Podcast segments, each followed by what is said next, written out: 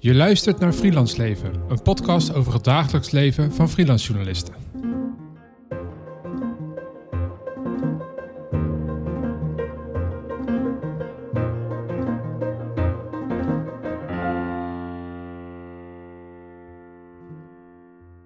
Wat ik een van de allerleukste dingen vind aan mijn uh, hashtag freelance leven is vooral uh, alle toch een beetje onverwachte of gekke situaties waar ik regelmatig in beland, omdat ik het zo leuk vind om allerlei nieuwe dingen te doen. Um, en een van de keren die me het meest is bijgebleven van de afgelopen tijd was uh, toen ik bezig was met de opnames voor een VR-film. Ik heb vorig jaar een uh, journalistieke 360 graden film gemaakt. En ik dacht, um, ja, ik, ik, weet hoe ik tv moet maken en ik, ik ben vaker met draaidagen mee geweest, dus I got this. Uh, ik had een cursus gedaan ook hoe ik 360 graden video moest maken. Um, maar ik had, ik had nog niet zo stilgestaan bij het feit dat als je iets gaat opnemen in 360 graden, dat je ehm, de cameraman en de regisseur, dat was ik op dat moment, en de geluidsman, die, die moeten natuurlijk niet in beeld zijn. Alleen, die, die camera neemt overal op, dus je, kunt niet achter de camera gaan staan. Dus wat er moest gebeuren, uh, en dat moest ook nog eens heel snel, want uh, VR is, kost heel veel ruimte om op te nemen. Dus je moet snel je scènes schieten. Was dat op het moment dat je zei: Oké, camera loopt. 3, 2, 1 actie. Dat in die 3, 2, 1 moest je als een soort van kleuters rennen naar een verstopplek ergens in, in de buurt. Zodat je niet uh, op het beeld kwam. Nou, in, in dit geval was het op een boerderij. Dus ik zat daar met twee volwassen mannen gehurkt achter een groot tractorwiel. Uh, met een half oog te kijken hoe die scène liep tussen het stro. En toen dacht ik wel echt, oké. Wat, waar ben ik nu weer beland? Maar uh, nou, eigenlijk ook best leuk, dit leven. Dat, uh, de situaties waar je zeg maar in verzeild kan raken. Dat was er één van. Ja, wat een, uh, wat een mooie anekdote. wat, wat een random anekdote. Ja, ja ik kan nu wel zeggen, ik was op een redactie en toen gebeurde er iets. Maar nou. Ja, want we zitten hier met, uh, met uh, Jolien van der Gient. Kan jij, uh, want je gaf al een beetje een innovatieachtig tipje van de sluier. Kan jij uh, delen wat jouw cv is? Oeh, dan hebben we lang nodig, denk ik. Um, de beknopte versie. De beknopte versie. Ik ben journalist en ondernemer. met een grote voorliefde voor vorm eigenlijk. Dus los van dat ik uh, de inhoud belangrijk vind, vind ik het ook heel leuk om na te denken over hoe kunnen we dit verhaal nou op zo'n manier vertellen dat het op een bepaalde manier raakt of op een bepaalde manier bij mensen binnenkomt. En uh, op mijn cv staan dus ook werkplekken van tv tot radio tot online tot print uh, tot allerlei innovatieve vormen, omdat ik ja, dat dus heel leuk vind om daar vrijheid in te hebben en daarmee te experimenteren. Ja, want de reden dat we met jou wilden zitten is ook dat diverse palet aan dingen wat je hebt gedaan. Ik denk dat het de term freelance leven heel veel uh, belletjes bij jou doet uh, rinkelen ja, op allerlei verschillende soorten manieren. Maar daar gaan we het zo meteen wat meer over hebben. ik wil even naar Menno, want we, wij zitten bij jou thuis. En Menno zit thuis. Die kon er niet bij zijn. En jij wilde vertellen waarom dat was, Menno. Ja, uh, ik, ben, ik ben wel bij jullie, maar in 2D inderdaad, via Zoom. Um, en dat, het is niet omdat ik het niet uh, gezellig had gevonden om uh, bij Jolien in Brabant te zijn. dat had me zelfs heel leuk geleken. Maar um, ja, ik, ik heb, heb, een week of vijf geleden een hersenschudding opgelopen. ik heb mijn hoofd gestoten en ik had in eerste instantie helemaal niet door... Um, dat het best, best een stevige hersenschudding was. Um, en um, ja, in de eerste week uh, had ik er wel uh, last van. Een beetje draaierig, hoofdpijn, de typische verschijnselen. Maar ja, na een week dacht ik van, ah, het gaat eigenlijk wel weer, het trekt weer weg. Um, het was misschien een hele lichte vorm ervan. En uh, ik pak het leven gewoon weer op. Dus ik ging weer hele dagen werken en voorzichtig hardlopen en zo. Nou, Waarschijnlijk is dat achteraf niet verstandig geweest, want daardoor kreeg ik uh, na twee weken toch een soort van terugval. En daardoor uh, heb ik er nog steeds uh, wat last van. Um, ja, dus ik probeer ehm, zo weinig mogelijk te werken op dit moment. Deze podcast is een van de, ja, eigenlijk het enige wat ik deze paar weken doe. Um, en uh, ja, helemaal uh, in de trein gaan zitten en, uh, ja, dat, en, en naar, naar Jolien toe komen was toch wel een hele tour. was, was nog een beetje te intensief geweest. Dus ik, ik doe het lekker comfortabel vanuit huis. Ja, wij toen, toen ik bij Jolien binnenkwam, toen zei ik natuurlijk ook gelijk van, ja, Menno is er niet, want die heeft een hersenschudding. En toen hadden wij ook gelijk een beetje het grapje van, ja, als freelancer mag je eigenlijk helemaal niet ziek zijn. Ja, niet zo'n grappige grap eigenlijk. Nee. maar, maar wel, ja, dat mijn eerste reactie ook was van, oh ja, heftig. Ja, het is, het is een frank grapje misschien, maar wel een, een, uh, een, grote kern van waarheid zit erin. En het is niet eens zozeer dat het van de buitenwereld niet mag. Uh, mijn opdrachtgevers kijken me er echt niet op aan. Als ik even uit de running ben door een hersenschudding, dat nemen mensen heus wel serieus. Het is bijna meer dat het van jezelf niet mag. Dat je jezelf uh, kwalijk neemt, bijna. Uh, en ik, ik neem mezelf eerder kwalijk dat ik te snel juist weer aan de slag ben gegaan. Maar dat komt er wel uit voort, inderdaad, van het gevoel van, ja, je mag van jezelf eigenlijk niet echt pauze nemen. En je denkt toch al snel van, het gaat wel weer. En ja, het, het is gewoon uh, heel lastig om jezelf te temperen. Want als freelancer zit het er toch een beetje in dat je altijd door wil gaan. Uh, deels is dat ook iets wat in je persoonlijkheid zit, denk ik. Maar Um, ja, je bent toch een beetje bang uh, dat je achter de feiten begint aan te lopen. Dat je niet genoeg inkomsten krijgt natuurlijk. Het is een raar gevoel. Het, is, het voelt onnatuurlijk. Maar het is zo belangrijk om, uh, om rust te nemen als je, dat, als je lichaam je dat vertelt. Um, want anders blijf je er alleen maar in hangen en ben je uiteindelijk uh, slechter af. Nou, in ieder geval fijn dat je er toch uh, op deze virtuele manier bij kan zijn, Menno. Uh, wat er gelijk het heel meta maakt. Omdat het ook een beetje over, de, over het freelance leven natuurlijk gaat. Heerlijk toch? En uh, wat we deze aflevering gaan doen is, uh, net als de vorige aflevering, behandelen we een wetenschappelijk paper waar ik tegenaan ben gelopen in het kader van mijn promotieonderzoek naar de arbeidsomstandigheden van voornamelijk freelance journalisten. En ik ben heel benieuwd wat jullie als freelancers van dit paper vinden. Uh, in mijn missie om niet vast te zitten in de Ivoren Toren, maar om te kijken wat het wetenschappelijk onderzoek met de beroepspraktijk doet. Heel goed. Ja, dus uh, laten we doorgaan naar het paper. In deze aflevering behandelen we Making It Work in Free Agent Work, The Coping Practices of Swedish Freelance Journalists, geschreven door Maria Norbeck en Alexander Steiger. Het artikel verscheen in 2019 in de Scandinavian Journal of Management. Voordat ik jullie uh, bombardeer met de inhoud van, uh, van het paper, wil ik eerst even een soort algemene introductie geven van waar gaat het paper over en, en waar komt het uh, vandaan.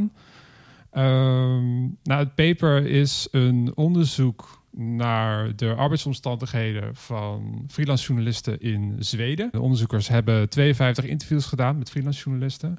En wat ik wel, wat ik wel interessant eraan vond, is dat uh, twee jaar geleden is mijn, ben ik begonnen aan mijn boek, De Nieuwe Journalist, wat inmiddels uit is. En daarvoor heb ik ook 50 interviews gedaan met freelance journalisten. En zij hebben eigenlijk parallel aan mij de wetenschappelijke versie van het onderzoek gedaan, maar dan in Zweden.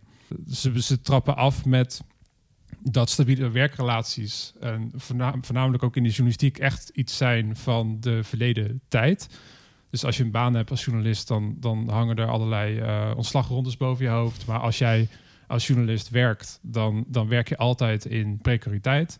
En de algemene paraplu die ze in het artikel aanhouden, is dat de risico's van journalistieke productie, die verschuiven van organisaties naar individuen. Dus individuen moeten meer voor zichzelf uh, zaken gaan regelen, zoals het pensioen. Die moet, zijn zelf verantwoordelijk voor het, het uh, succes van een verhaal en, en, de financiële achtergrond daarvan. Maar ook van het falen van een verhaal. Want als een verhaal niet lukt, dan ligt het risico dus ook uh, voor een groot deel bij jou. En vanuit die bril zijn ze dus naar freelancers gaan kijken. Um, wat ik wel, ik wel zou even een quote willen opnoemen die ik wel typerend vond voor die aanpak. Dat is uh, van die verschuiving van stabiele werkrelaties naar uh, ja, meer die, die uh, verantwoordelijkheid van individuen. Dat noemen ze dan de radical responsibilization of the workforce. Dus de, alle verantwoordelijkheid van productie ligt niet meer bij het bedrijf, maar bij het individu. En de, de, de stap die zij dan maken, uh, nou, dat, dat als gegeven nemende is dus dat, dat uh, de carrière ladder zoals wij die uh, vroeger kennen. Dus je gaat ergens werken en je werkt je op en dan krijg je een baan, dan krijg je een betere baan, dan word je chef en dan word je de baas en dan weet ik veel mhm. wat, wat, wat je allemaal kan doen. Die klassieke carrière ladder die bestaat veel minder of eigenlijk bijna niet in de, in de culturele sector en dus ook in het bijzonder in de journalistieke sector. En de vraag is dan, als dat niet meer bestaat, wat doen mensen dan die daar toch in willen werken? Die gaan dan hun eigen carrières vormgeven. Dus die gaan zelf uitvinden nou, wat is een carrière als het niet iets is waar gewoon een soort stramien voor bestaat? En hoe leuk is dat?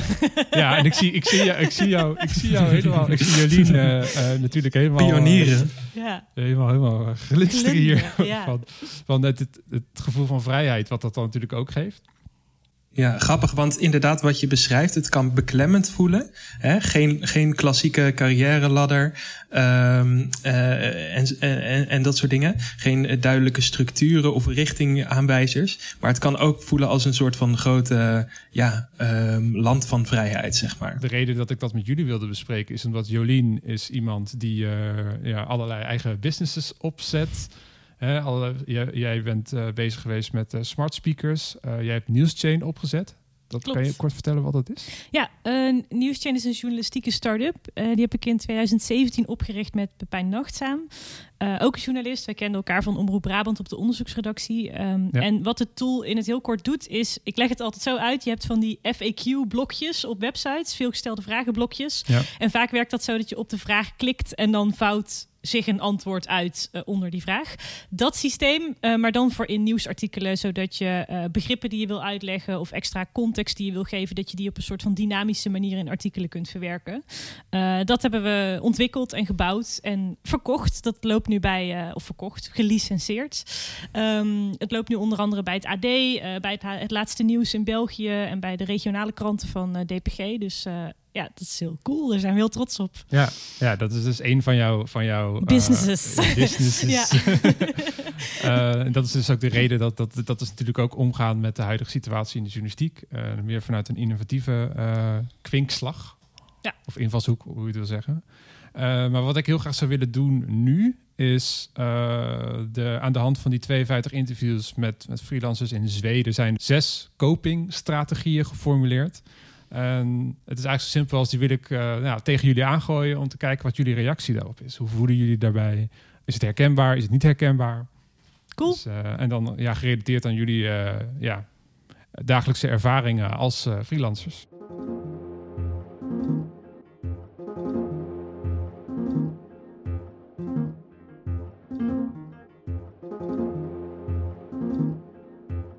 De eerste copingstrategie die heet uh, Creating Continuity in Client Relationships. Dus continuïteit in relaties met uh, opdrachtgevers.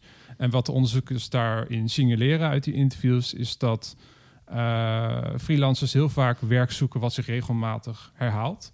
Dus bijvoorbeeld een rubriek in een blad, of ze gaan series pitchen, of ze spreiden het risico. Dus ze hebben verschillende opdrachtgevers, zodat ze zeker weten dat ze altijd een bepaalde continuïteit van werk hebben. Uh, want als er dan één wegvalt, dan heb je nog de ander. Maar ook dat, dat freelancers, doordat ze die continuïteit willen, heel precies hun werk gaan aanleveren. Met, met stress als gevolg. Zo van, ze leggen de lat heel erg hoog voor zichzelf. Omdat ze een goede relatie willen met hun, met hun uh, opdrachtgever. Waardoor ze, um, dus dat, dat zeggen die onderzoekers waardoor ze bijna gaan overpresteren. Om te zorgen dat freelancers uh, altijd maar dat, dat werk uh, Mhm. moeten kunnen krijgen. Maar het zoeken naar nieuwe klussen, dat wordt work for labor genoemd.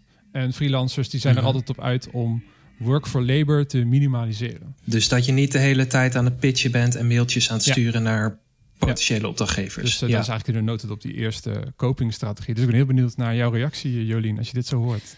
Uh, ja, er zitten best veel dingen in volgens mij. En ik herken er ook veel van. Um, ik heb zeker toen ik net begon met freelancen uh, heel veel op die continuïteit gezeten. En ook wel op verschillende opdrachtgevers. Ik had dan vaak gewoon uh, ja, een dag of twee bureaudiensten bij een omroep. En dan vaak ook bij verschillende omroepen. En dan had je een soort ja, mix van die dingen. En ik vond ook altijd, want ik heb best veel vrienden die wel contracten hebben in andere sectoren. En dan was het best wel vaak opeens weer stress als dat tijdelijke contract afliep. Of als het niet leuk was, of als er gedoe was met de baas. En ik dacht altijd, ja, als ik het niet meer leuk vind bij een van mijn opdrachtgevers, nou, dan ga ik gewoon weg. Want ja, ik heb er meerdere en dan zoek ik daar iets anders voor in de plek. Um, dus ik, voor mij voelde dat veiliger dan een tijdelijk contract ergens op één plek wat misschien afloopt en dan ben je alles weer kwijt. Uh, dus ja, ik, die continuïteit herken ik wel. Tegelijkertijd zit ik nu in een fase waarin ik dat eigenlijk probeer steeds meer af te bouwen, omdat uh, ja, het leukst is echt, echt de vrijheid, vind ik. En uh, ik vind het grappig dat er een beetje gezegd wordt van ja, um, dan gaan freelancers, moeten ze heel precies hun werk aanleveren en dan moeten ze het heel goed doen. Dan denk ik, ja, hè, natuurlijk moet je het heel goed doen. Je moet gewoon heel goed werk afleveren. Dat, hè, logisch toch? Dat is toch een goed ding? Hoezo is dat zielig of zo? dat, dat denk ik daarvan. Maar ik, uh, ik zie Menno al een beetje lachen, dus ik ben ook wel benieuwd wat jij ervan vindt. Nee, nee ik ben het er helemaal mee eens. Uh, dit is, ja, ik, had, ik had wel verwacht dat je dit zou zeggen eigenlijk. Um, ja, laat ik beginnen met. Ja, ik heb ook die, zeg maar, continuïteit in, in mijn uh, klussen. Ik heb uh, één dag in de week uh, dat ik bij Vrij Nederland webredactie doe, doe. En deze podcast is natuurlijk ook een, een maandelijks terugkerend iets. Um, waar we een vast bedrag voor krijgen. Um, ik vind dat gewoon financieel heel prettig. En het zorgt dat je een beetje uh, ook een soort clubgevoel hebt. He, ik heb met, met Erwin heb ik, uh, heb nou ja, met z'n tweeën dan een soort van clubje, een, een samenwerkingsverband. En bij, zeker bij Vrij Nederland, uh, met, met, met de redactie daar, die daar zit en een paar vaste freelancers. Um, ja, je hebt toch het gevoel dat je ook een beetje ergens bij hoort. En nou, voor corona kon je ook naar een redactie. Dus uh, dan heb je ook echt het gevoel dat je naar je werk gaat. Dan hoef je niet alles vanuit, uh, vanuit huis te doen. Um, dus dat vind ik er heel prettig aan. Ik herken eerlijk gezegd niet zo wat die Zweedse freelancers zeggen dat het extra druk oplevert. Um, ik denk dat ik juist eerder, als ik een terugkerende job heb, een terugkerende klus, dat ik een beetje complacent word. Dat ik misschien juist eerder gemakzuchtig word. Uh, en als je de hele tijd iets nieuws doet, dan daagt het je wel meer uit om steeds weer een goede eerste indruk te maken. Ja, zeker. Um, maar, maar dat laatste heeft dan weer als nadeel dat het vrij intensief en vermoeiend is. Dus ik vind de combinatie heel fijn. Ik probeer ook altijd een balans te zoeken tussen uh, dat het fijn is om een ding te hebben wat je inderdaad, nou ja, automatische piloot is een groot woord, maar wat je vanuit enig comfort en uh, nou ja, uh, ervaring kunt doen zonder dat het heel uh, spannend en nieuw en stressvol is. Maar ook altijd wel ruimte te hebben voor dingen die dat wel zijn. Uh, omdat daar volgens mij inderdaad ook de groei zit voor jezelf en, en, en ja, voor de dingen die je maakt. Hoe ziet jullie continuïteit er nu uit? Wat is het, het de continue factor in jullie freelance? bij mij uh, is dat nu. Uh, ik heb de afgelopen maanden een dag of twee in de week bij Nieuwsuur gezeten. En nu wordt dat één uh, op hun webredactie of internetredactie. En verder is er eigenlijk nu niet zo heel veel continuïteit bij mij. ik ben met heel veel losse verschillende projecten en klussen bezig. Maar dat vind ik ook echt best wel heerlijk op het moment. Ik ben juist eind vorig jaar had ik heel veel vastigheid. Ik, zat, ik was onderdeel van een collectief waar ook een best goed vast inkomen ja, aan van Spot On Stories. Klopt inderdaad. en ik ben genomineerd daar... voor een tegel trouwens. Dat genomineerd voor een tegel, ja zeker. Ja, super cool. Um, uh, ja, en nu ben ik er weg en opeens uh, komen de tegelnominaties. gelukkig, gelukkig voor een project waar ik zelf uh, ook heel erg betrokken bij was. Um, maar ik ben daar juist dus een beetje eind vorig jaar mee gestopt, omdat ik heel erg voelde, ik zit een beetje te veel vast in mijn continue klussen. En ik heb heel erg behoefte aan weer wat meer ademruimte nou ja, en dat is dan dus ook zo fijn aan freelancen, dat je op het moment dat je dat voelt, daar ook uh, actie op kunt ondernemen. En ik denk iets makkelijker dan wanneer je echt ergens een contract hebt en, en het best wel all or nothing is. Nou was dat met het collectief ook best spannend, omdat dat ook een beetje mijn kindje was en ik daar twee jaar lang heel veel tijd in heb gestoken. Maar ja, dat was dus een, een, een, voor de luisteraar, uh, Spot On Stories is een, uh, een uh, freelance collectief die Klopt. onderzoeksjournalistiek maakt. Ja, met eigenlijk als missie zeiden we, zeggen we, ja, ik de, zeggen ze inmiddels, ja. zonder mij, uh, met de missie om onderzoeksjournalistiek wat minder als huiswerk te laten voelen. Zo omschreven wij het altijd, omdat heel veel onderzoeksjournalistiek is toch vaak ja, een long read op de correspondent of een ingewikkelde documentaire of in ieder geval iets waar je veel tijd en energie in moet steken om het tot je te nemen. Terwijl als je creatiever nadenkt over vorm, je het soms ook tot je kan nemen op een andere manier. Ja. En wat is jouw continuïteit nu, uh, Menno? Je noemde al een aantal dingen. Ja, nou die dingen eigenlijk. Mijn webredactiedag bij Vrij Nederland in deze podcast. Um, en ik herken ook wel wat Jolien zegt. Uh, dat je soms meer behoefte hebt aan die continuïteit. Soms meer de vrijheid van de losse klussen. Een paar jaar geleden werkte ik bij nu.nl. Anderhalf à twee dagen uh, in de week vast. En ik vond het daar super leuk trouwens. Een hele leuke redactie. Maar ja, om, om ja, allerlei redenen vond ik het toch fijn om na een tijdje uh, daar iets nieuws voor te zoeken. En toen ben ik uiteindelijk bij Vrij Nederland uitgekomen. Zonder dat ik wist dat die, uh, dat, dat uh, een mogelijkheid was van tevoren. Dus ehm, ja, dat, dat, dat, dat is een groot voordeel daarvan. En um, dat je zo'n beetje ja, je eigen. Dat blijft toch het mooie ding van freelancen. Dat je je eigen praktijkje een beetje kunt formeren. Iemand die um, reageerde via Twitter. Uh, die ging, uh, dat ging ook hierop in. Uh, onder de hashtag freelance leven. het is wel grappig, want dat is een oud docent van mij. in Ede aan de journalistiekopleiding. Die het vak freelancen toen gaf. Helga is dat, Helga van Koten. En ze reageerde in die tweet met jarenlang alleen maar vanuit huis stukken geleverd. Sinds 2015 doe ik als freelancer ook eindredactie op redacties zelf. En dat is een heel ander freelance bestaan. Um, toen vroeg ik haar, is het ook beter freelance bestaan? Uh, en daarop zei Helga, jawel, ik hou van de dynamiek op de redacties en kan, op de ene plek meer dan de andere, meer met mijn betrokkenheid bij opdrachtgevers. En het is ook fijn per uur te worden betaald. Maar de combi is het fijnst, vind ik. Eindredactie plus zelf schrijven. Nou ja, dat laatste is dus herkenbaar voor ons. En ook wat ze zegt over die betrokkenheid vind ik heel herkenbaar. Dat heb ik dus bij Vrij Nederland, dat ik echt mijn onderdeel voel toch wel van iets groters. Um, en, en ook echt uh, dat je kunt meedenken over dingen inhoudelijk. Af en toe over de digitale strategie of de koers van het blad. Um, omdat het een klein clubje is. En uh, ja, ik voel me daar ook uh, wel in gewaardeerd, zeg maar. Dat, dat ik daar actief bij word betrokken. Um, en dat, dat, dat is als ja, soms toch wat eenzame freelancer is dat wel fijn. Ja, dat raakt heel goed aan de, de tweede copingstrategie. Die, uh, die in het paper wordt genoemd. En die, die, die wordt uitgelegd onder het kopje Creating Continuity in Relationships with Other Freelancers. Dus continuïteit in relaties met andere freelancers. En um, de Zweedse freelancers die zeggen dus dat goede relaties belangrijk zijn. En dat, dat er vaak teams, informele teams van freelancers zijn die elkaar uh, constant helpen. Het is eigenlijk een soort klikjes. En uh, ja, de, de, de meer professionele of meer formele versie ervan zijn natuurlijk collectieven, zoals uh, Spot on Stories of een samenwerking die jij met Pepijn had om Newschain te maken. Dat, dat zijn... ja, uh, ook. Ja, in die zin waren we denk ik gewoon uh, zakelijk partners. Maar ik vond het grappig, want ik, ik geloof dat in het stuk ook stond dat, uh, dat het soms ook zo werkt dat in, in de ene keer dan één freelancer de klus binnenhaalt en die andere erbij trekt. Ja. En de andere keer dat het andersom is.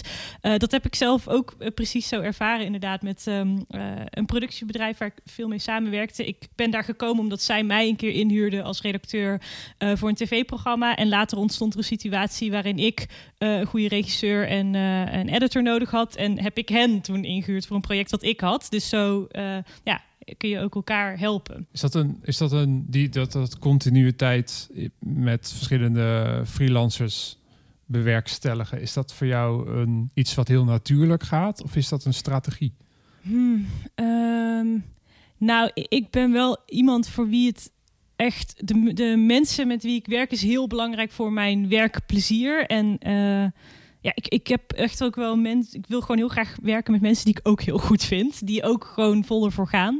En uh, dat is soms nog best een uitdaging om die te vinden. Dat klinkt een beetje hard. Maar er zijn ook heel veel mensen die gewoon hun werk doen omdat ze hun werk doen. En ja, dat is prima. En die hebben niet zo'n zin om, om de extra mile te gaan of zo. Dus als je die mensen wel vindt waar het goed mee klikt en waar je dat, dat ja, wel iets goeds mee kunt maken, dan ja, koester ik dat wel. En dan. dan uh, uh, ja, werk ik daar ook wel voor om dat inderdaad warm te houden. En meestal is dat dan geloof ik ook wel wederzijds, als dat goed werkt. Um, ja, maar ik vind het ook, ja, het gaat inderdaad denk ik ook wel een beetje vanzelf, maar het is wel iets waar ik ook bewust, uh, me bewust van ben. Ja. En wat is dan het grote voordeel daarvan? Want Um, is het uh, efficiënter om samen te werken met anderen? Is het leuker? Kun je makkelijker bijvoorbeeld subsidies ermee binnenhalen? Wat, wat is nou het grote pluspunt? Voor mij, uh, ja, ik denk als je eenmaal dus mensen hebt met wie je weet, oh dat werkt goed, dat is gewoon fijn. Dat voelt als een soort, je weet wat je aan elkaar hebt. Je weet hoe je elkaar kunt versterken. En als je elke keer nieuwe mensen moet zoeken, heb je altijd toch weer die soort van opwarmfase. En dat je aan elkaar moet wennen. En ja, dat je ook soms erachter komt, oh, dit is het eigenlijk toch niet. Of ik heb hier toch niet zoveel aan. Of ja, ik moet nou eenmaal met die persoon, maar ja, het, is even wat het is. Um, dus het is voor mij heeft het vooral heel erg te maken met het verhogen van de kwaliteit van mijn werk en dat, dat het ook gewoon leuk is.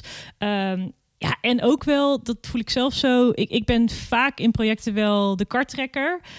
Het is ook wel lekker om een, soms het gevoel te hebben dat je het niet helemaal alleen hoeft te doen. Dat vond ik bijvoorbeeld met Pepijn met Newschain heel prettig.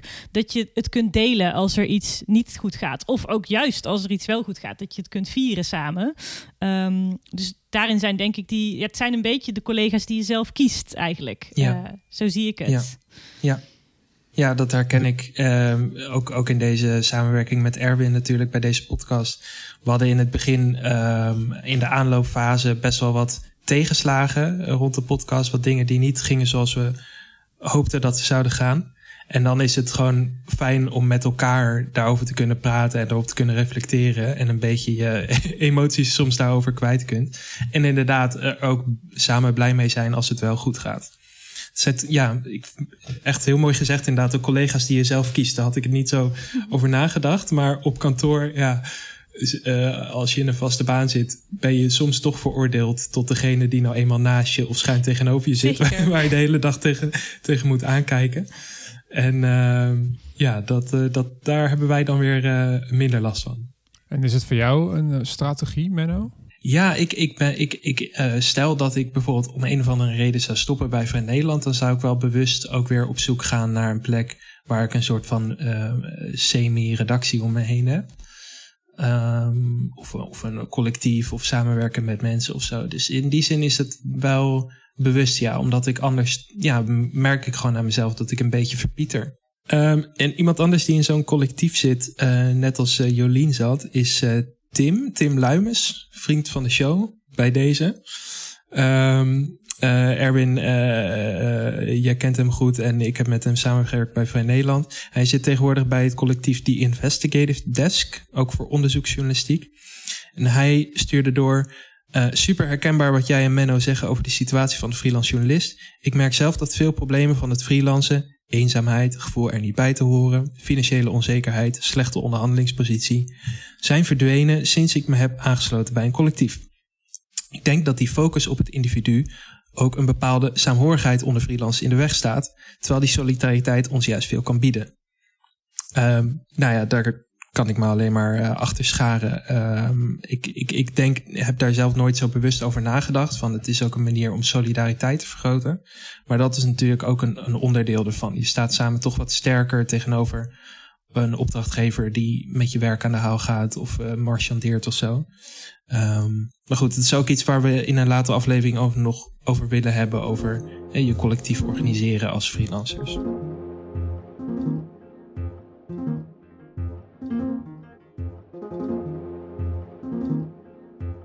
De, de derde copingstrategie die heet uh, adapting to the market.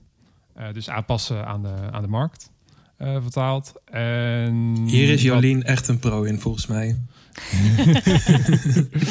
ja, ik ga, ik ga nu gewoon wat, wat, wat, wat buzzwords ingooien. Bring it. Ja. uh, specialiseren. uh, dat is dan weer echt niet mijn forte. Uh, als ik iets niet goed doe. Um, nee, ja, maar nou, of misschien tot op zekere hoogte wel. Maar ik denk dat dat aanpassen aan de markt wel heel erg gaat over uh, proberen gevoel te krijgen bij waar hebben mediabedrijven behoefte aan. En dat, dat is ook echt gewoon een kwestie van luisteren. Wat we allemaal als journalisten goed zouden moeten kunnen en vragen stellen. Um, waar, waar is je chef mee bezig? Waar is die druk mee? Waar zijn ze daar op dat niveau daarboven weer uh, druk mee? Wat zijn de uitdagingen? En kun jij iets doen om daaraan bij te dragen ook? Of om daar iets voor te verzinnen? En in mijn geval, ik, ik vind innovatie dus heel leuk. En sloot of sluit dat toevallig ook best wel aan bij het feit dat zeker veel kranten en omroepen een beetje op een gegeven moment uit een soort winterslaap wakker zijn geworden met oh shit, heel de wereld is echt super hard aan het veranderen en wij zijn nog steeds alleen maar kranten aan het drukken en uh, ja, de teksten aan het copy-pasten op internet. Misschien moeten we een keer iets anders doen. Um, dat je daar dan dus op in kunt springen en nieuwe dingen kunt bedenken. Of in mijn geval als uh, Ehm, de Google Assistent uh, in, in het Nederlands beschikbaar wordt, wat in 2018 aan de hand was, dan kun je wel een beetje aanvoelen van, ah, daar willen dan misschien mediabedrijven ook wel iets mee. Als ik dat nu zie aankomen, kan ik alvast uh, daar dingen voor in de week gaan leggen en gaan zeggen, oh hey, uh, nou, ik doe ook dingen met innovatie, ik heb radioachtergrond, ik heb zelf zo'n smart speaker al in het Engels, kan ik helpen kan ik jullie helpen om iets te bedenken hiervoor. Um, dus het is ook gewoon een kwestie van goed opletten wat er speelt. Ja, mits je dat allemaal leuk vindt natuurlijk. Dat is ook belangrijk. Niet iedere journalist zit daarop te wachten. Ik vind dat leuk. Ehm, ja, en dat een beetje dus aanvoelen en daar ook slim op inspelen. Uh, ook omdat, in mijn ervaring, de innovatiepotjes vaak dan toch daar een iets beter tarief uit te halen is dan uh, de redactiepotjes. Mm -hmm. ja, dus het is ook wel deels, deels een, een berekende keuze, zeg maar. Je zegt, ik vind het gewoon heel leuk om al die nieuwe dingen te doen, maar het is ook zakelijk, is het dus slim. Kennelijk. Het is fijne bijkomstigheid, ja. Maar ik zou het niet doen alleen maar omdat je er meer geld mee kunt verdienen. Want ik, uh, ik, ik die klussen die ik doe, vind ik het ook altijd heel belangrijk dat ik ook echt met de inhoud en de journalistieke kant bezig ben. Uh, dat vinden vaak mijn opdrachtgevers ook belangrijk. Daarom willen ze mij graag, omdat ik niet uh, zomaar een, een marketing- of innovatiepersoon ben, maar juist iemand die journalist is. Um, dus nee, ik zou het niet doen als ik het niet leuk vond, maar het is wel het is er wel een beetje een combinatie van. Inderdaad, dat je wel ook kunt nadenken over wat, waar zou ik ook nog geld mee kunnen verdienen. Ja, ik wil Joliens uh, innovatie nerd uh, credentials even een beetje aandikken. Want uh, ik, ik, kwam hier binnen met een met een grote, grote tablet, een grote e-ink tablet. En we hebben ze even vergeleken, allebei onze tablets. zij, zij heeft een andere. Ja. En, en, we werden er echt iets te enthousiast van. Ja, we waren bijna een half uur te laat begonnen met de podcast. Ja, want we met, omdat we Vandaar die, dat ik zo lang moest wachten. Ja, ja, ja dus, uh, dus innovaat, het is niet alleen een monetaire intrinsieke motivatie. Oh, nee, gelukkig. Nee, nee. Bij deze maar, is mijn oprechtheid bevestigd. Jolien, ik ben wel heel benieuwd. Leer je dan dingen jezelf aan op het moment dat je merkt dat er behoefte aan is? Of kun jij gewoon al heel veel dingen, bijvoorbeeld als je met uh, voice bezig gaat of met VR, wat je net vertelde, en uh, dat je dat, ja, dus dat je dat al kan en dat je op een gegeven moment merkt dat daar behoefte aan ontstaat? Um, een, een beetje een combinatie. Ik, ik leer graag en veel en uh, ik denk ook wel bovengemiddeld snel. Dus dat helpt. Als ik iets heel interessant vind, dan doe ik een soort deep dive. En dan, nou, internet staat vol met tutorials. En, en overal zijn cursussen voor te volgen. Dus bijvoorbeeld voor VR. Dat begint met uh, ja, zelf een keer zo'n bril op hebben ergens en denken, oh cool, en dan een keer zelf er een kopen of op, gewoon op YouTube een beetje gaan kijken en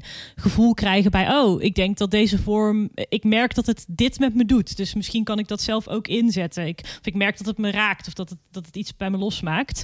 Uh, en dan komt er een keer een project waarvan ik denk, oh, hier zou ik het kunnen inzetten. Nou, dan moet ik misschien wel ook een cursus doen in hoe film ik in VR. Nou, dan zoek je die, dan vind je die. Um, dus ja, je moet het jezelf aanleren. Maar wat ook wel enorm geholpen heeft, want dat is een soort van repliceerbare skill. Dat is wel het traject wat ik met Newschain heb doorlopen, wat, wat begeleid werd door het Stimuleringsfonds. Dat was echt heel erg leren innoveren eigenlijk. Hoe, hoe werkt het traject? Hoe test je dingen? Hoe ontwikkel je iets? Dat, als je dat eenmaal goed snapt, kun je dat natuurlijk op allerlei vormen en, en dingen toepassen. Dus dat, dat is denk ik de belangrijkste skill die je dan moet hebben. En dan de medium-specifieke dingen, ja, die zijn te leren. En eh, op een gegeven moment, je bent journalist met ervaring over hoe vertel ik een verhaal. Dus ook, die, ook dat is soort van uh, transferable naar weer een andere vorm. Dus het is een beetje een mix. Ik weet niet of dit een heel helder antwoord was, maar ja, heel helder. combinatie van. Nee, ik snap het. Ja, want dat is wel interessant, want, want uh, in jouw verhaal met het aanpassen naar de markt zie ik heel erg van, oké, waar gaat het heen en waar liggen er kansen? Qua de, de ja, de toekomst van de journalistiek bijna. En, ja. en op welke manier kan je verhalen uh, vertellen. En in het paper gaat het ook een beetje over uh, wat er verloren is, om het maar zo te zeggen. Dus dat, dat, dat de tarieven van, uh, van geschreven verhalen bijvoorbeeld, of noem het maar op, die zijn, zijn ja, lager geworden in de afgelopen jaren. En dan maken freelancers vaker de keuze om zich dus aan te passen aan de markt. En bijvoorbeeld PR-verhalen te gaan schrijven. Om, uh, mm -hmm. om toch nog rond te kunnen komen. Dus Commerciële klussen. Ja, dus een ja. soort ander, andere insteek van aanpassen natuurlijk. Um, ja. En Menno, jij bent natuurlijk schrijvend journalist. Dus, dus hoe kijk jij daar tegenaan? Ja, ik probeer er altijd wel ver van weg te blijven. Ik heb wel commerciële klussen gedaan, zoals elke freelance journalist, denk ik. Daar hoeven we niet moeilijk over te doen. Um, maar ik heb wel altijd geprobeerd om dat niet te laten clashen met ja, mijn journalistieke werk. Um, ik heb jaren geleden heel erg veel uh, SEO-teksten geschreven. Dus uh, webteksten voor een uh, webwinkel die tegels verkocht. En eigenlijk alles wat maar met badkamers en wc's te maken had. Dus ik heb de teksten geschreven over um, semi-automatische thermostaatkranen en zelfsluitende toiletbrillen en baksteenlook wandtegels. Nou ja, dat is niet per se iets wat um, mij minder onafhankelijk maakt in mijn journalistieke werk of zo. Het is niet alsof ik onderzoek doe naar fraude in de sanitaire sector. dus dat vond ik niet zo'n probleem. Maar dus op een gegeven moment kreeg ik ook sector. iets. Klinkt wel heel grappig. Uh, ik wil, nu, wil je nu wel induiken eigenlijk. Ja, ja, ja, ja, ja. letterlijk en figuurlijk. Nee, um, maar er was bijvoorbeeld ook een keer sprake van dat ik uh, zou kunnen schrijven voor een, een blad over duurzaamheid van de Rabobank. Um, en in eerste instantie zei ik daar ja tegen en uiteindelijk werd het hem niet. Um, maar later heb ik wel gedacht van waarom zou ik dat eigenlijk doen? Want dan ben je toch niet meer helemaal onafhankelijk als journalist, vind ik. Want zo'n bank maakt zo'n tijdschrift natuurlijk om zichzelf als duurzaam op de kaart te zetten. Terwijl ze dat misschien helemaal niet zijn en dat ze eigenlijk juist in allerlei uh, vervuilende praktijken investeren. Um, en dan help je dus, ja, dan sta je niet meer ten dienste als journalist van het publiek of de lezer, maar echt van een bedrijf. Um, en, en, en, en zeker als dat een bedrijf met macht is, zoals de Rabobank of een overheidsorganisatie, um, dan, dan vind ik dat wel echt tricky. Dus dat, ja, tegelijkertijd wil ik ook geen mensen shamen die dat wel doen. Want mensen, als journalistiek werk goed genoeg betaald zou worden, zou niemand commerciële klussen hoeven te doen. Uh, maar zelf uh, probeer ik daar wel streng in te zijn. Dat, ja, dat zit gewoon in mij. Hoe sta jij daarin? Jullie? Ja, uh, ik heb ook regelmatig commerciële klussen gedaan, of doe dat ook nog steeds wel eens. Um, ik hou voor mezelf altijd goed in de gaten, zeker toen ik bij Spot on Stories met onderzoeksverhalen bezig was, dat je wel oplet dat het niet uh, een commerciële klus is die ook op enige manier raakt aan het onderzoeksthema waar je mee bezig bent. Maar ja, het is een hele grote wereld met echt heel veel bedrijven en heel veel onderwerpen en heel veel organisaties. Dus je kunt volgens mij best wel uh, kiezen voor iets waarvan je weet, nou, de kans dat ik hier journalistiek nu iets mee ga doen is zo klein. Dat is nu ver genoeg vandaan. Ik heb bijvoorbeeld vorig jaar. Uh, best wel veel animaties gemaakt voor. Uh, dat was iets waar ik eigenlijk mee was begonnen vanuit een journalistiek punt. Um, om, om dingen uit te leggen. Um, en dat via via kwamen ziekenhuizen, die kwamen bij mij terecht en die wilden uh, uitleganimaties voor wat de regels zijn rond corona in hun ziekenhuis. Ja, daarvan denk ik dan ja, dat is op zich prima. Dat is best wel basic uitleg. Het dient bijna ook nog soort van wel een goed doel. Want hoe meer mensen weten hoe ze zich moeten gedragen, hoe beter. Um, ja, als ik niet net bezig ben met een heel, in, heel ingewikkeld onderzoek naar de, de, de zorgsector in Brabant of zo. Uh, of de interne problemen bij de ziekenhuizen ja, op dat moment vind ik dan dat dat dus ook wel kan. Maar ja, ik, ik weet dat ik wel uh, wat aan de relaxte kant van het spectrum zit uh, hiermee. Ik ben niet zo heel ja, idealistisch daarin, geloof ik. Je bent niet zo dogmatisch. ja, want jij, ja, want ik zou misschien denken, ik, ik, ik vind dit heel inderdaad hier, dit is juist ook iets heel maatschappelijk relevant. Hè? En in die zin is het ook verwant aan wat je wil als journalist uh, in de samenleving. Ik zou daarbij misschien nog wel denken van, stel nou die coronaregels zijn op ja, bepaalde aannames uh, gebaseerd die uh, heel omstreden zijn of zo, waarvan wetenschappers uh, zeggen van dat klopt helemaal niet. En dan ja, moet je die wel van de opdrachtgever wel in die animatie verwerken. zou, zou dat iets zijn waar je, waar je nog hoofdpijn over zou kunnen krijgen of waardoor je zou kunnen gaan twijfelen? Ja, dat, nou, dat dan inderdaad misschien wel. Maar dat, eh, dat is geloof ik een wat uh, onaannemelijke situatie. Want, het is een beetje uh, theoretisch. Ja, het is een beetje theoretisch. Maar ik snap wel je punt. Dat als je inderdaad iets zou moeten uitdragen of maken... maar dan, dan heeft dat niet meer zoveel te maken met mij als journalist... maar met mijn eigen ethische oh, normen en waarden en grenzen, ja. denk ik. En ik denk dat ik dat dus ook heel erg als uitgangspunt neem... voor deze, deze dilemma's. Wat vind ik als mens wel of niet intrinsiek kunnen? En dat ik eigenlijk mijn eigen afweging daarin ook best wel vertrouw. En denk, als ik het kan verdedigen en als ik mezelf in de spiegel kan aankijken, dan zit het geloof ik wel goed of zo. En, en daarmee ja. doe ik er dan daarna dus ook niet meer zo moeilijk over. Dat is een beetje mijn uh, gevoel erbij. Wat ik van een, uh, van een afstandje uh, beschouwd.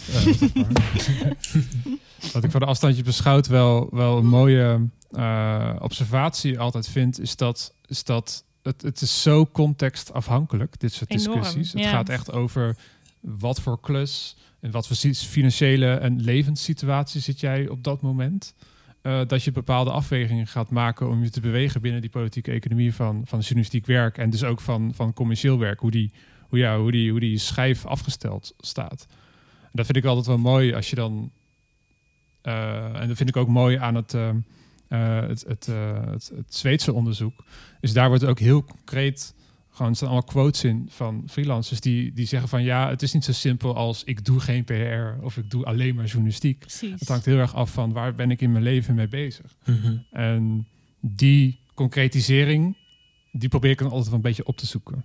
Ja, en ook. Begrip, uh, onderling begrip. Uh, ja, wat voor mij ook nog echt meetelt, is. Uh, vind ik het een leuke klus. Zeg maar, die, die animaties voor ziekenhuizen was ook gewoon. was inhoudelijk leuk om te maken. En was iets waar ik achter stond en van ik dacht: prima.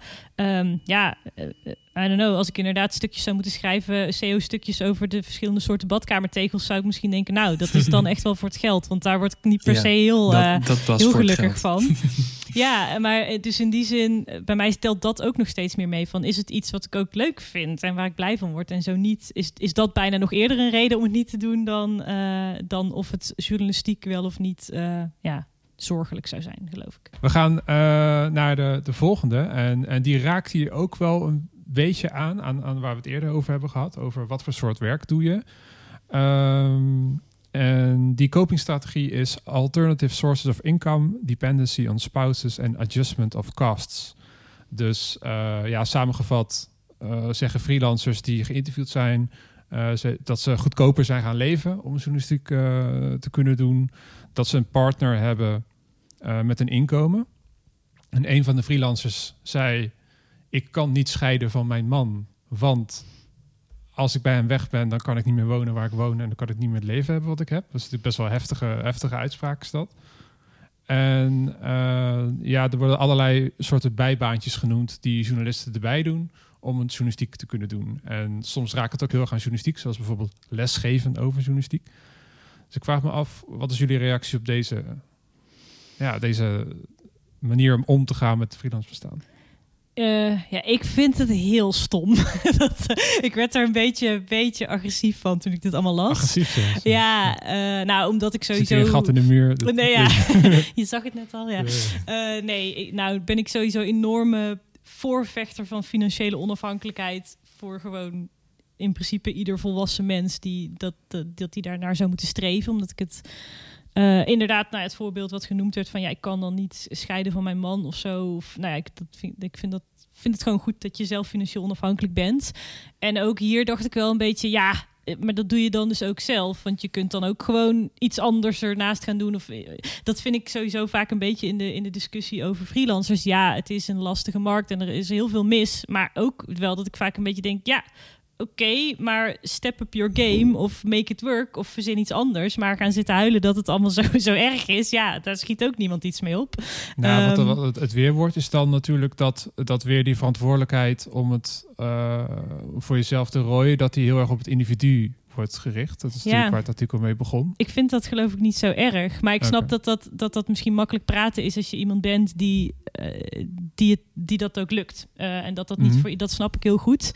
Maar in de basis vind ik, ja, um, werken in de journalistiek is niet een soort van uh, ja, iets waar iedereen dan zomaar recht op heeft of zo. Ik denk, ja, dat moet je ook een mhm. beetje verdienen. Je moet ook goed zijn, je moet ook hard werken, je moet ook creatief zijn, geloof ik. En als je dat niet genoeg bent of dat lukt niet, dan moet je misschien ook iets anders ernaast gaan doen. Of dan is het misschien ook niet jouw, jouw grootste talent of grootste kracht. Het is dan misschien heel hard. Um, maar nou ja, dat gaat je moet, je moet zorgen uh, dat je excelleert, zeg jij eigenlijk.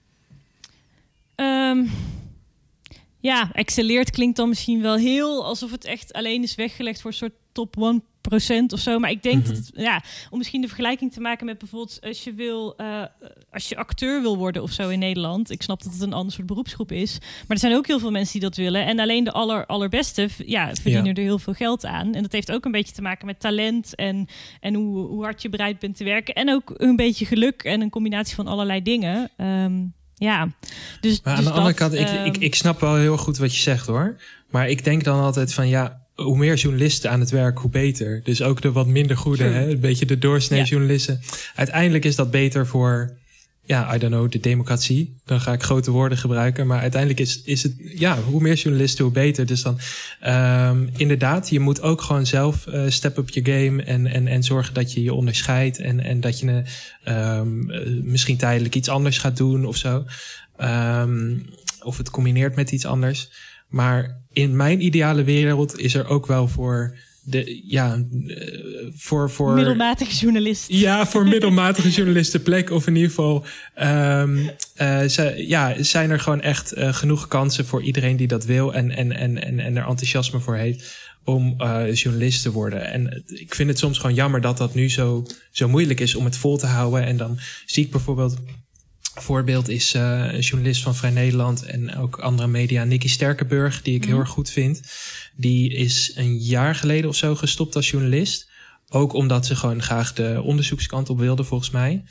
Um, maar ook omdat het gewoon een vermoeiend en, en, en, en niet al te ja, lucratief bestaan was. En dat mhm. maakt me op zo'n moment toch wel een beetje verdrietig. Dat ik denk van ja, als, uh, als, als jij gewoon. Uh, ja, als de omstandigheden anders waren geweest, was je, hadden we één goede journalist meer in Nederland gehad, weet je wel? Hm. Ja, dus, uh, nou in het geval van Nicky snap ik je, je rouw daarom inderdaad heel goed. want dat is wel een verlies voor de, voor de journalistiek, zeker.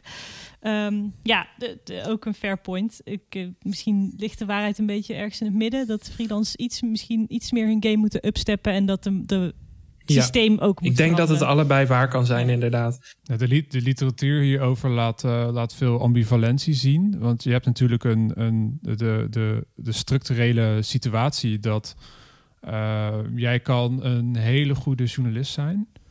Uh, je kan echt fantastische stukken schrijven.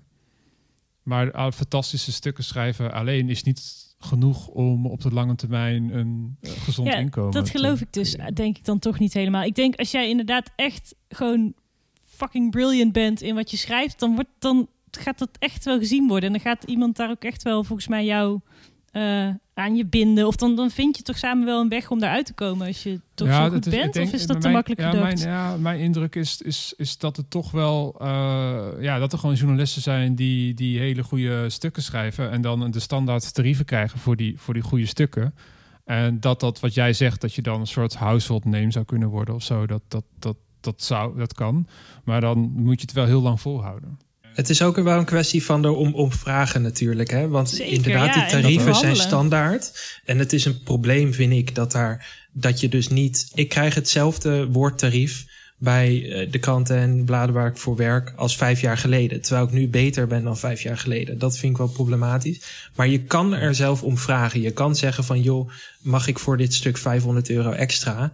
En op de momenten dat ik dat heb gedaan, heb ik vaker ja dan nee gehoord. Dus in die zin ben ik ook wel team Jolien, dat je inderdaad ook gewoon uh, uh, met gestrekt benen soms erin moet gaan en dan inderdaad op moet vertrouwen dat dat er niet toe leidt dat mensen je gelijk aan de straat zetten. Dat je daar te goed voor bent. Als ik kijk naar de, naar de interviews voor de nieuwe journalisten en ook naar, naar dit, dit verhaal, het Zweedse paper, dan heb ik heel erg de indruk dat uh, je moet inderdaad jezelf goed kunnen verhouden tot de journalistieke economie zoals die is. Uh, en dan moet je er wel snappen wat, aan welke touwtjes je zou kunnen trekken. Uh, ja, dus maar je, hoe beter je dus, dus kansen ziet en hoe beter je, je snapt hoe het in elkaar zit, hoe minder tijd je ook verspilt aan bijvoorbeeld opdrachtgevers, waarbij je dus niet die kans krijgt om uiteindelijk wat meer te verdienen of, of, of wat dan ook. Is dat iets geks, wat ik nu zeg? Um, nee, ik, ik, denk wel dat, dat het klopt, maar dat het misschien ook niet altijd zo ingewikkeld hoeft te zijn. Want precies wat Menno net ook zei, ja, dan eh, overal wordt inderdaad gezegd, ja, er zijn standaard tarieven. Um, ja, oké. Okay. Uh, nou, bijvoorbeeld mijn, mijn laatste klus uh, bij Nieuwsuur kreeg ik dat ook toch. Ja, het standaard tarief is dit. Zei ik, nou, daar kom ik niet voor. Dus ja, ik wil graag dit. Kunnen we toch iets doen? Ja, dat mhm. kon doen toen dus toch wel. Ja, dan kan er toch iets van een uitzondering gemaakt worden. Dan denk ik, ja, heel precies, maar dat is wel omdat ik het vraag. En omdat ik een goed mhm. verhaal heb. En omdat ik zeg, mhm. nou, ik, ik bied je al deze dingen. En ik ben op hele korte termijn beschikbaar. En uh, nou ja, verzin een hele lijst met redenen waarom je ook vindt dat je dat waard bent. Die redenen moeten er dan natuurlijk wel zijn. Want als je inderdaad een heel inwisselbare journalist bent, dan heb je dat rijtje argumenten misschien ook niet. Maar ik, ik hoor wel van heel veel mensen om me heen ook van ja, ja, ja, het standaardtarief is nu eenmaal dit. Dan denk ik, ja, en dus ben jij een standaard journalist? Ja, ik bedoel, wat, wat heb je allemaal al geprobeerd? Dan, ik, ik snap wel dat het moeilijk is. En uh, ik ook echt niet vanaf dag één uh, overal over in onderhandeling ging. Maar het hoort, dat hoort ook wel een beetje, geloof ik, bij hoe de wereld werkt. Niet alleen in de journalistiek, maar overal als je ja, zakelijke afspraken maakt, wordt er altijd onderhandeld. En ik denk dat journalisten misschien inderdaad vaak vanuit een soort... ik ben al dankbaar dat ik hier mag werken... of ik wil gewoon heel graag mhm. Eh, mijn mhm. werk doen. En dat is super mooi. Maar I ik, can't believe I'm getting paid to do this. Nou ja, een beetje dat. Maar ik denk, als je dat echt vindt... dan moet je dus daarna ook niet meer zeuren over dat tarief. En als je vindt dat je meer moet verdienen... moet je zorgen dat je meer gaat verdienen. Uh, ik snap dat het iets makkelijker gezegd is dan gedaan. Maar ik denk, ik hoor wel van veel mensen om me heen... die, die zich ook gewoon best wel ja, bij neerleggen of nou ja. Dat... Ja, dat is het gevaar, dat je een beetje te nederig wordt of zo. Ja, ehm, Ik denk dat dit ook wel heel erg valt of staat bij, en dit relateert dan weer aan die continuïteit, aan hoe je relatie met je opdrachtgever is. Ik heb best wel een, voor mijn gevoel in elk geval, redelijk gelijkwaardige relatie met mijn chefs bij Vrij Nederland en NRC. Dus die, die zullen me ook niet raar aankijken als ik een keer om wat meer vraag of zo. Um, dus dat, dat helpt wel. En dan helpt het dus ook als je wat meer ervaren bent en al wat langere relaties hebt opgebouwd. Ja, ik, ik denk nog kort aanvullend daarop, wat mij ook heel erg helpt, en dat is volgens mij ook zo in onderhandelingen voor contracten, maar dat je uh, er ook een beetje in moet gaan met. Het is niet alleen een kwestie van dat dat bedrijf uh, of dat jij heel blij moet zijn dat je bij een bedrijf mag werken. Maar dat bedrijf moet ook heel blij zijn dat jij bij hun wil werken. Want je bent een supergoeie journalist en je hebt -hmm. superveel goede ideeën. En ze mogen ook best een beetje uh, blij zijn met jou of zo. Het, is, het werkt twee kanten op. Um, en ik snap dat, dat heel veel mensen dat niet zo voelen. Maar dat heeft ook een beetje te maken met je eigen mindset, denk ik. Hoe je, hoe je daarin gaat. Ook voor hoe sterk je in je schoenen staat. En de argumenten die je op tafel kan leggen. En, en hoe je dat doet. Eens. Ja, interessant. Dat het, uh, dat het dus ook heel erg afhankelijk is van wie je bent als persoon. Hoe assertief je misschien bent. Zeker, ja, want Ik, wat ik als, nou ja, kan blijven benadrukken. Ik weet dat dat niet voor iedereen vanzelfsprekend is. Maar ja, ook ik denk, ik was vroeger ook een heel stil verlegen type. Ja, je kunt het ook leren. Je kunt alles leren. dus, ja. uh, schade ja. en schaamte. Ja. schade en schaamte, ja. ja. ik ben wel benieuwd uh, wat jij vindt, uh, Jolien, van de, van de volgende copingstrategie, nummer vijf alweer. Um, en dat is uh, distancing yourself from your work and becoming an entrepreneur. Dus afstand scheppen tussen je persoonlijke leven en je werk. De, de reden, uh, die, is een belangrijke reden die in het paper wordt genoemd waarom journalisten dat doen, is omdat hun persoonlijk leven, hun persoonlijke identiteit heel erg verstrengeld is met, met het werk. En ze daardoor eigenlijk altijd werken. Omdat ze dus uh, s'avonds ook nog journalist zijn. Hashtag freelance leven, ja. ja. Of wat dan ook. Wat, hoe ervaar jij dat in je persoonlijk leven? Um, uh, iets wat ziet zo vreemd, geloof ik. Want uh, uh, ja, nou, ik denk dat sowieso op het moment dat je heel bevlogen bent over wat je doet en uh, ook als het creatief werk is, dan is het een stukje van jezelf. Dat is denk ik onontkoombaar. Um, want ik geloof dat in het artikel het ook heel erg ging over dat zakelijk falen ook dan dus als persoonlijk falen heel erg wordt opgevat, omdat, het, ja. omdat jij bent ja. je, je, bedrijf en je merk. Uh, daar heb ik wel, wel een beetje mee leren omgaan dat je daar inderdaad mee moet oppassen. En ook omdat, omdat gewoon het erbij hoort dat heel veel dingen ook. Het kan niet altijd allemaal in één keer lukken en goed gaan. En dat dat niet per se iets zegt over dat jij inderdaad als mens uh, sukt. Maar ja, dat is gewoon een zakelijk ding wat even niet ging. Um, maar ik herken wel de moeilijkheid daarvan. En dat is, dat is wel een proces geweest. En nou ja, ik heb bijvoorbeeld sinds dit jaar ook gewoon een kantoor gehuurd. Dat kwam volgens mij ook terug in het stuk. En dat helpt inderdaad enorm. En um, om ook voor jezelf een soort uh, ja, ritueeltjes klinkt een beetje stom, maar dat is het wel.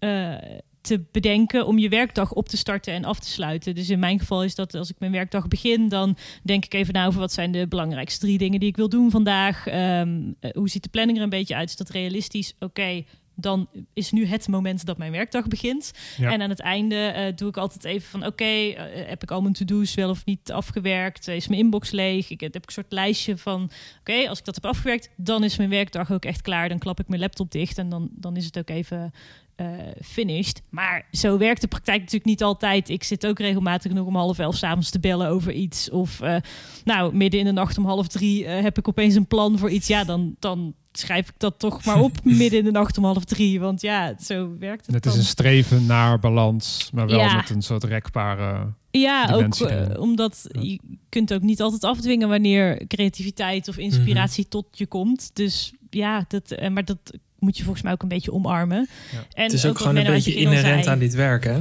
Dat je, ja. sorry dat ik je onderbreek, maar ja, je, het, het begint en eindigt toch heel erg bij creatieve energie, inderdaad. En dat kun je niet managen, dat kun je niet inplannen zoals je sommige andere vormen van werk wel meer kunt inplannen. Ja, of je kunt het proberen, maar het komt soms toch ook op het moment dat het niet per se handig uh, was. En uh, wat ik nog wilde zeggen was wat jij aan het begin ja. ook aangaf, dat het in dat hele proces volgens mij inderdaad goed is om daar een beetje dynamisch mee om te gaan, maar wel ook eh, goed je eigen grenzen te leren herkennen. En dat als het soms wel even echt, echt genoeg is geweest en je voelt, voor mij is dat altijd een beetje, krijg ik er nog energie van? Als zolang als het heel leuk is, kan ik gewoon gerust Mhm. twintig dagen op een rij doorknallen. Maar als het steeds meer dingen gaan zijn waar ik geen energie van krijg, kan het ineens ook heel mhm. erg op zijn. Um, nou, om dat bij jezelf te blijven inchecken van gaat dat nog goed? En hoe, hoe, hoe uh, gaat het bij jou, Menno, die verstrengeling tussen persoonlijk en je werk? Kan je dat, kan je dat lostrekken? Ik vereenzelvig me best wel met mijn werk. Um, en dat vind ik zelf niet altijd even fijn dat ik dat doe. Um, tegelijkertijd heb ik me er zelf ook een beetje bij neergelegd dat het nooit helemaal stopt in mijn hoofd. En de journalistiek en alles daaromheen is ook gewoon mijn belangrijkste interesse, weet je wel. Um, op, uh, op een feestje of zo vind ik het leuk, bijna het leukste om een journalistieke discussie met iemand te hebben in plaats van het over iets anders te hebben. Dus het is ook iets wat ik gewoon echt leuk vind. En dat heeft als grote voordeel dat ik mijn werk dus leuk vind. Um, maar het wordt vervelender als de, er zijn natuurlijk ook minder leuke kanten aan werken in de journalistiek. En op het moment dat dat je niet meer loslaat s'avonds of in het weekend of als je in bed ligt en probeert te slapen, dan wordt het wel vervelend als je de prestatiedruk voelt of stress over bepaalde dingen of hoe zal die en die uh, geïnterviewde persoon reageren op hoe het stuk in de krant komt of zetten ze wel een goede kop uh, boven mijn stuk bij de eindredactie. Dat zijn dingen die ik liever zou willen loslaten.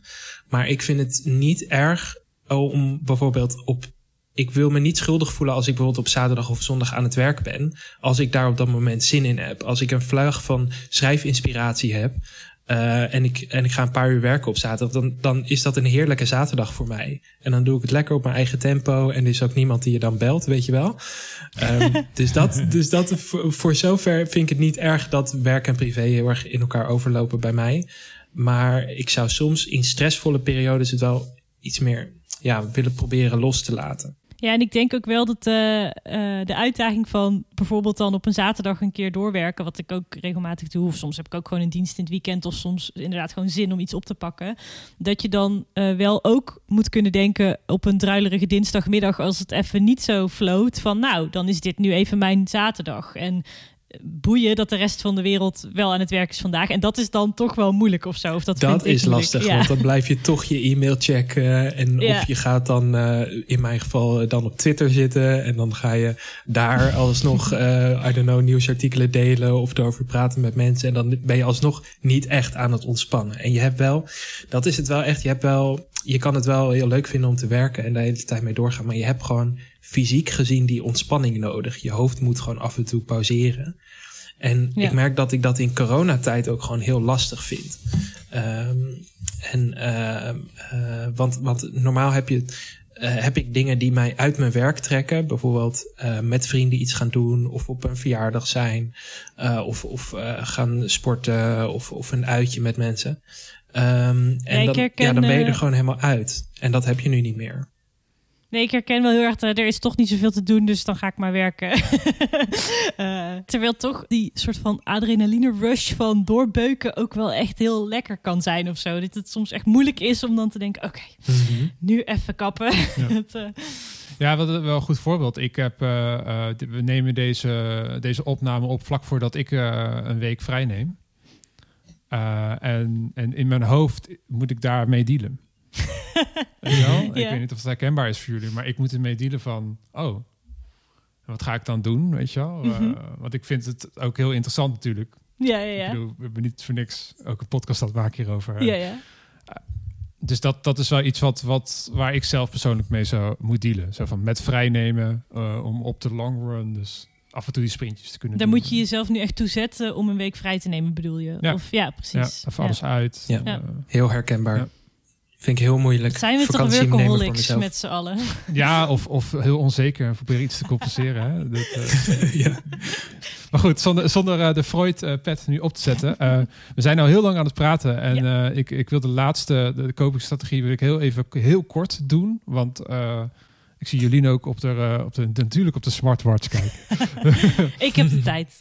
ik was benieuwd hoe laat Nee, maar ik, uh, heel kort, de laatste uh, is eigenlijk samen de kopingsstrategie samen te vatten als samen sterker. En wat de onderzoekers zien is dat veel freelancers elkaar opzoeken om betere arbeidsomstandigheden voor zichzelf te creëren. Of zich heel formeel aansluiten bij een vakbond. Dus dat zou in Nederland bijvoorbeeld de Vereniging voor Journalisten zijn. Mm -hmm. Wat zien jullie dat ook in je omgeving? Of, of heb je meer zoiets van het, het lone wolf-achtige gevoel? Ben, ben jij lid van de NVJ, Jolien? Nee, uh, volgens mij ben ik het wel even geweest als student. En toen ik net ging werken als freelancer, maar dat is dus inmiddels ook echt tien jaar geleden. Um, toen heb ik er even over getwijfeld, maar toen werd ik, dat las ik geloof ik ook in het stuk, werd ik zo chagrijnig van hoe het alles echt alleen maar ging over cao's en contracten. En echt het hele idee van iets voor freelancers was toen echt nog niet aan de hand. Nu gelukkig wel. Mhm. Ehm, dus nee, ik, um, ik, ben toen geen lid geworden. Ja, en ik, dat klinkt denk ik ook wel een beetje door in mijn verhaal. Ik, ik ben toch ook wel erg iemand dan misschien toch meer van de lone wolf aanpak. En een beetje ieder voor zich. En... Uh, uh, niet dat ik het per se stom vind, die vakbond. Ik vind het bijvoorbeeld ook mega goed wat uh, Jolande van der Belt allemaal op aan het zetten is en zich hard voor maakt. En uh, de mensen die er wel allemaal voor aan het strijden zijn. Dat ik wel geloof dat dat goed is. Alleen het past gewoon niet zo bij mij. Oké, nou dat waren ze, de zes uh, copingstrategieën. En uh, afsluitend, Menno, want je hebt al een aantal reacties natuurlijk uh, vervlochten in de, in de copingstrategieën. Heb jij nog andere reacties gehad op onze eerste aflevering? Ja, Um, vooral via Twitter. Uh, René, het Neetje, zei... Uh, als visueel journalist slash illustrator heb ik ook al een paar jaar een freelance leven. En nou ja, ze zegt daarover van de variatie is fijn en de keuzevrijheid in voor wie ik wel en niet wil werken. Heb wel veel moeten leren over discipline en plannen. Nou, daar kunnen we ons allemaal denk ik ook wel in vinden. Um, Marilou den Outer, het Gele Draak, zegt... interessante podcast van Freelance Leven. Ik ben ook benieuwd naar ervaringen in het journalistiek ondernemerschap in de regio. Hebben we dat al op onze planning staan, Erwin? Uh, freelance in de regio? Aflevering daarover? Bij deze. Bij deze. Bij deze, ja. Dat, uh, dat gaan we dan uh, beloofd aan Marilou. Daar gaan we een aflevering over maken. En uh, tot slot, iemand die ook de podcast had geluisterd, een, uh, een uh, goede vriendin van me. Stella Vrijmoed is sinds kort ook um, fulltime freelance journalist. Na eerst een aantal studies te hebben gedaan. En zij is onder meer columnist bij Folia al een aantal jaar. het universiteitsblad van de UvA. En ze had een hele mooie column al een paar weken geleden. Dat was rond de kabinetsverkenning. over je leven formeren als freelancer. Uh, zij had als student een wat chaotisch leven geleid. Uh, zo omschrijft ze zelf in elk geval van hot naar her. En als uh, in haar werkzame bestaan wilde ze het toch echt anders gaan aanpakken. En het op een slimme manier formeren, vormgeven. En ze merkte dat ze toch te veel hooi op de vork nam al snel. Um, dat ze dacht van het gaat wel, um, uh, ik moet mijn kansen pakken en uh, je moet niet te lang uit de running zijn. En door corona heb ik toch geen sociaal leven, uh, dus ik kan wel veel werken. Maar ze merkte dat ze daardoor toch overprikkeld werd en op een gegeven moment een paniekaanval kreeg. En dat het gewoon te veel te snel was geweest. En ze beschrijft het gewoon op een hele mooie manier. En ze eindigt ermee van um, dat ze zegt: had ik maar een verkenner uh, die voor mij dat juiste evenwicht zocht tussen um, doorbijten en uh, hè, op stoom komen en aan de andere kant op je eigen gezondheid en je mentale gezondheid letten. En toen dacht ik, ja, zo'n zo'n verkenner. Ik zou ook wel een een, een, een Herman Cenk Willink willen hebben die uh, mij precies wijst op wat de juiste combinatie van dingen is in mijn leven. Willen we niet allemaal eigenlijk een Jake Willink in ons leven? die, dat, is, dat is denk ik. op de rit zet. Ja, ik denk ook dat het een hele mooie, hele mooie opmerking is om mee af te sluiten.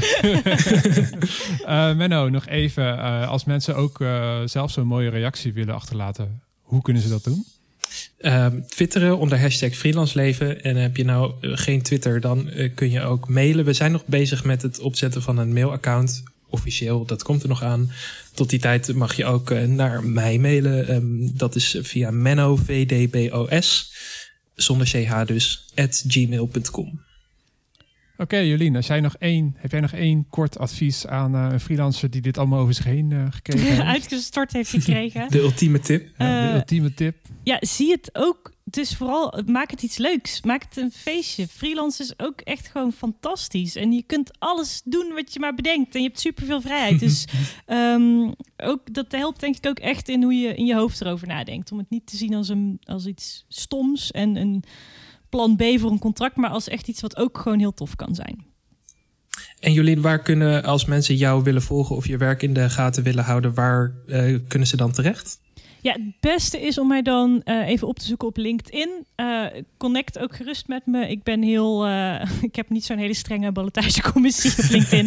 dus dat vind ik alleen maar leuk. Of anders kun je ook volgen. Daar post ik het meeste van wat ik doe. En op mijn website, dat is gewoon Jolien van de Griend met I-E-N-D-T.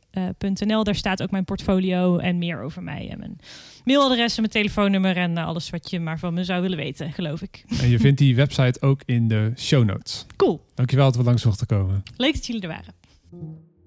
Freelance Leven wordt mede mogelijk gemaakt door het Lira-fonds Reprorecht. Mijn promotieonderzoek, dat ten grondslag ligt aan deze podcast, wordt mogelijk gemaakt door Stichting Democratie en Media en het Stimuleringsfonds voor de Journalistiek.